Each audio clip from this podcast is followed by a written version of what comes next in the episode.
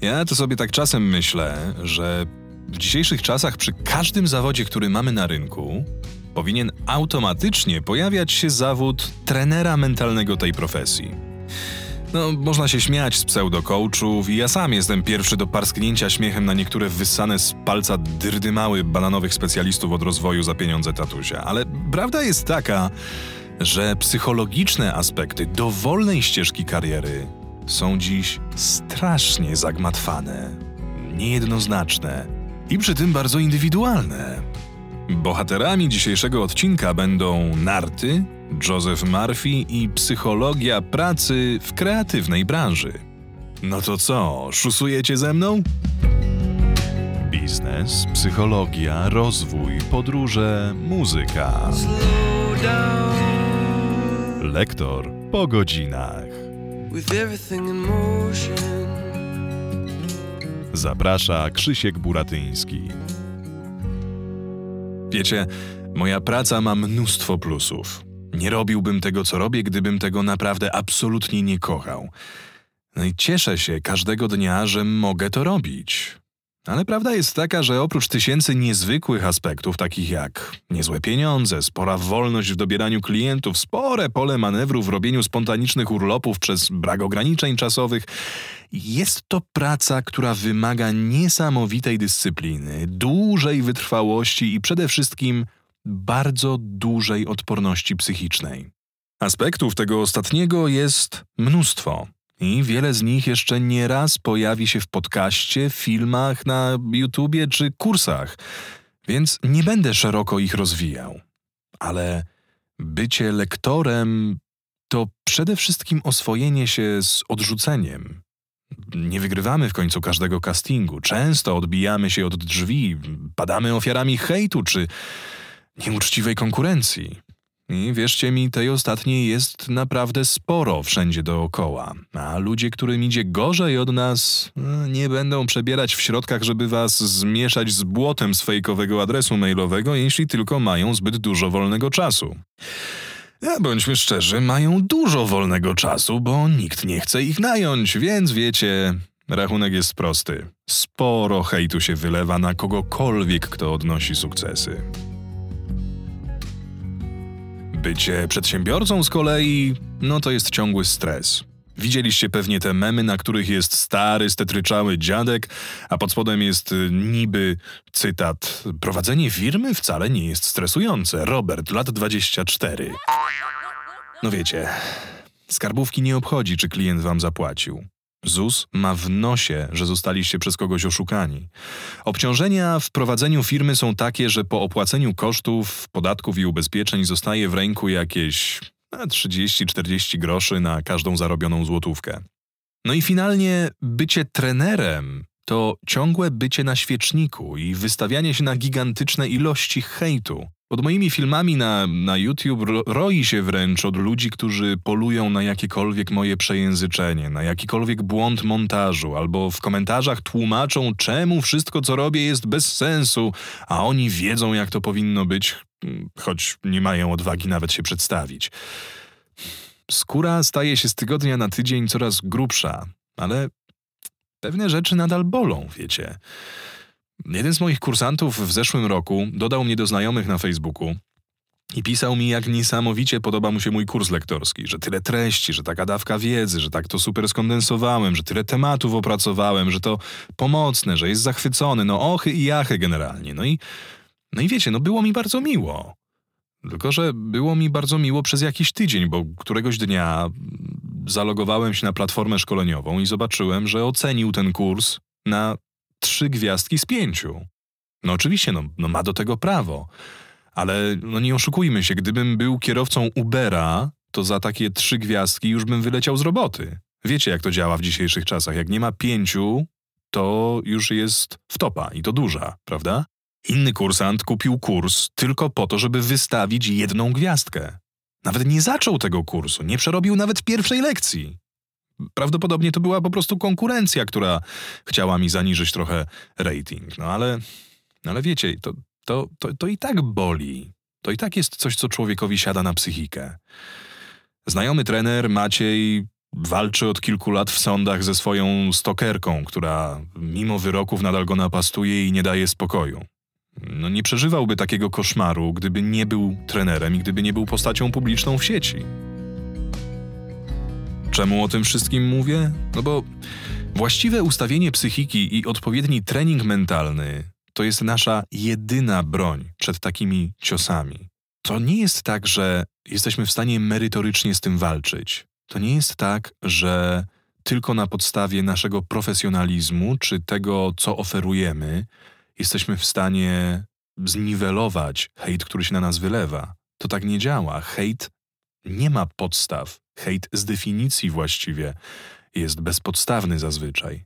No, krytyka, nawet ostra krytyka, ale taka, która jest merytoryczna, z którą można podjąć dyskusję, to jest zawsze na wagę złota. Ja cenię dyskusje na temat na przykład moich kursów, moich treści i przyjmuję nawet od moich podopiecznych wskazówki, co mógłbym zrobić inaczej, żeby to było dla nich ciekawsze, bardziej wartościowe i tak dalej. Ale z hejtem tak się nie da. No i to nie jest przypadek, że tyle osób porzuca swój biznes, wszystko jedno jaki biznes, na poczet bezpiecznego etatu i niewychylania się z zabiórka w korporacji. No, tam, nawet jeśli kumple będą w kuchni gadać za plecami, no to hejtu w twarz tam nie ma po prostu i tym bardziej wyśmiewania jeszcze publicznie. Przynajmniej nie w takim zakresie, jak kiedy jesteśmy faktycznie na świeczniku. Tak samo to nie jest przypadek, że tyle postaci medialnych rzuca mikrofon, rzuca kamerę, radio, telewizję czy internet po to, żeby zaszyć się w jakiejś bieszczackiej chałupie i zająć się stolarstwem albo przewodnictwem górskim. Znam takie przypadki, naprawdę.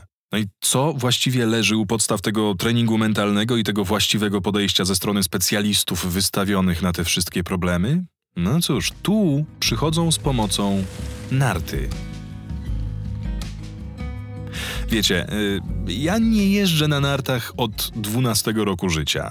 Miałem wtedy wypadek na stoku, połamałem dość poważnie przedramię i mało brakło, a w głupi sposób zakończyłbym obiecującą karierę pianistyczną.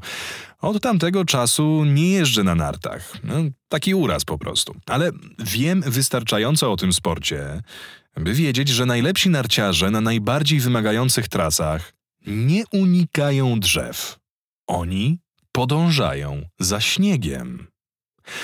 Umysł ludzki nie potrafi myśleć o negacji. No wiecie, nie myśl o różowym słoniu. No i sorry, przegrałeś, tak? Więc jeśli narciarz zaczyna myśleć o unikaniu drzew, niemal natychmiast ląduje na drzewie. Kiedy natomiast podąża za bielą śniegu między drzewami, a drzewa całkowicie ignoruje, wtedy może osiągać niesamowite prędkości i pozostawać, no, względnie bezpiecznym. Tak, tak, już niektórzy pewnie się domyślają, trochę tutaj pije do prawa przyciągania i do Josepha Murphy'ego. A tak się składa, że po raz pierwszy przeczytałem jego potęgę podświadomości już jakieś no 20-25 lat temu, kiedy jeszcze idea prawa przyciągania nie została wykręcona przez szarlatanów w chore piramidy finansowe nagabujące naiwnych ludzi w internecie. No i nie, nie, prawo przyciągania nie oznacza, że będziemy leżeć na łóżku, a pieniądze spadną z nieba. Nie oznacza też, że jeśli będziemy bardzo, bardzo czegoś chcieli, to samo się zrobi. Herbata nie będzie słodsza od mieszania. Nie ma sensu się oszukiwać. Ale ziarno niepodważalnej prawdy w tej teorii to fakt, że nasz umysł nie potrafi rozpoznawać tego, co jest dla nas dobre, a co nie, więc ogniskuje swoją uwagę na tym, co wizualizujemy i właśnie przyciągamy.